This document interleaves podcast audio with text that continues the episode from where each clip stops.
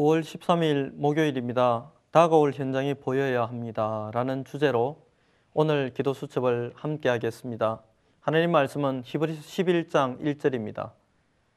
믿음은 바라는 것들의 실상이요 보이지 않는 것들의 증거니 아멘. 성경은 믿음은 바라는 것들의 실상이고 보이지 않는 것들의 증거라고 말씀합니다. 그래서 비전이라고 하는 것은 믿음과 아주 밀접한 연관을 가지고 있습니다. 여러분의 미래가 사실적으로 보이고 또 보여야 합니다. 어떻게 하면 이러한 미래와 또 현장을 앞당겨서 볼 수 있을까요? 우리가 1시간 뒤, 10분 뒤, 한 달 뒤, 1년 뒤를 예측할 수 있다면 얼마나 어마어마한 일들이 일어나겠습니까? 14년 뒤를 예측하고 정확하게 알고 있었던 하나님의 지혜를 받은 요셉은 개인적으로 육신적으로 성공했을 뿐 아니라 이 요셉은 세계 복음화라는 큰 응답도 겸하여 받는 축복을 누렸습니다. 이것을 앞당겨 보았던 요셉은 고난과 절망하고 좌절해야 될 상황이 왔지만 결코 좌절하지 않았습니다. 왜냐하면 하나님의 계획 속에 담겨져 있는 자신의 인생과 또 미래를 보았기 때문에 그렇습니다. 오늘 미래를 앞당겨 볼 수 있는 참 은혜가 여러분에게 있기를 바랍니다. 첫 번째입니다. 증거를 붙잡는 삶입니다. 우리는 매일같이 증거를 붙잡아야 합니다. 매일 아침 오늘 일정 속에서 어디를 가고 누구를 만나고 그 만남 속에 하나님의 어떤 계획이 있는지를 살펴보아야 합니다. 그 사람을 만났을 때 하나님이 우리에게 주신 은혜를 조금만 나누면 큰 응답이 오게 되어 있습니다. 얼마 전에 큰 좌절을 겪고 절망 속에 있는 어떤 분을 만났습니다. 이분은 교회를 떠난 분입니다. 상처를 엄청나게 받았습니다. 이분을 만나서 복음을 증가하면서 제가 어릴 때 교회에서 상처받으면서 주변에 교회가 분열되는 것들 보면서 겪었던 일, 일들을 이야기하면서 어느 날 내가 만난 참 복음을 이야기했어. 이분이 복음을 듣고 한동안 영접 기도를 못 따라 하셨어요. 너무 억울했어. 지금까지 자기가 종교 생활하면서 쏘아온 게 너무 억울했어. 나중에 이분이 그리스도를 주인으로 영접하시면서 얼마나 감사해야 하는지. 조금만 나누면 정말로 그 사람 영혼을 품고 기도하다가 하나님의 은혜를 조금만 나누면 큰 축복이 시작되는 것입니다.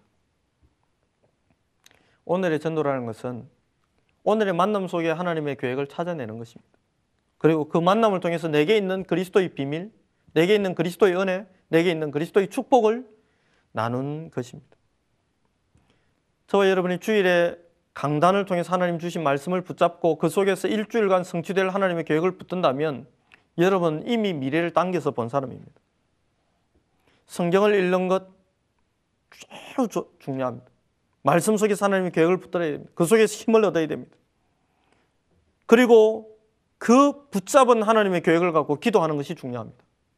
기도의 실천을 할 때 하나님이 역사하시겠다고 말씀하셨습니다. 이것이 곧 성공의 길입니다. 두 번째는 성령의 인도입니다. 성령 인도 속에 하나님의 큰 계획이 있습니다. 이 성령의 인도를 받기 위해서 바울은 금식하며 기도했습니다.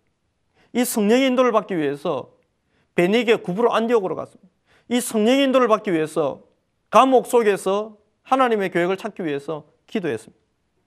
이 성령의 인도의 아주 중요한 부분이 무엇입니까? 성령의 인도는 제자를 만나는 만남 속으로 연결됩니다. 성령의 인도는 전도 속으로 연결됩니다. 바울이 받았던, 받았던 성령 인도는 루디아와의 만남, 제자와의 만남 속으로 인도되었습니다. 바울이 받았던 성령 인도는 지역의 흑암을 꺾는 것으로 바울이 받았던 성령 인도는 지역의 흑암 문화, 우상 문화, 저주 문화, 귀신 문화를 꺾는 것으로 연결되었습니다. 우상 숭배에 쓰이던 서적과 이런 것들을 불태웠는데 없앴는데 은 5만이나 되었다고 말씀하고 있습니다. 이러한 성령 인도 속에서 제자들이 모이는 전도자가 모이는 모임이 바로 지교회입니다. 성령 인도를 전도와 제자와 지 교회로 연결하면서 계속 바라보면 여, 저와 여러분은 완벽한 성령 인도를 받게 되겠죠. 저와 여러분의 인생 속에 하나님의 지교의 계획이 있고 제자의 계획이 있습니다. 이러한 부분을 정확하게 붙잡게 되면 완벽한 성령 인도를 얻게 됩니다. 세 번째 성령 충만입니다. 성령 충만은 현장을 보는 눈, 시대를 보는 눈이 제대로 열린 것을 말합니다. 성령 충만은 매일의 삶 속에서 오늘의 하나님의 전도 계획, 오늘의 하나님의 말씀, 성취될 언약, 그 성취될 언약을 붙드는 오늘의 기도 속에 성령 충만은 전부 녹아 들어와 있습니다. 이러한 것을 누리고 체험하게 될 때 우리는 성령 충만의 실제를 경험하게 되, 될 것입니다. 이러한 응답을 계속 누리게 되면 하나님이 주신 힘을 지속적으로 공급받게 되고 그 힘을 통해서 한 시대를 살리는 하나님의 축복을 마음껏 누리게 되는 것이죠. 이러한 방향에 초점을 맞추고 이제는 우리의 삶과 우리의 시간과 우리의 스케줄들을 점검해야 하겠습니다. 의미 없이 버려지는 빈 시간들을 활용해야 합니다. 정말로 귀중한 밤 시간을 활용해야 합니다.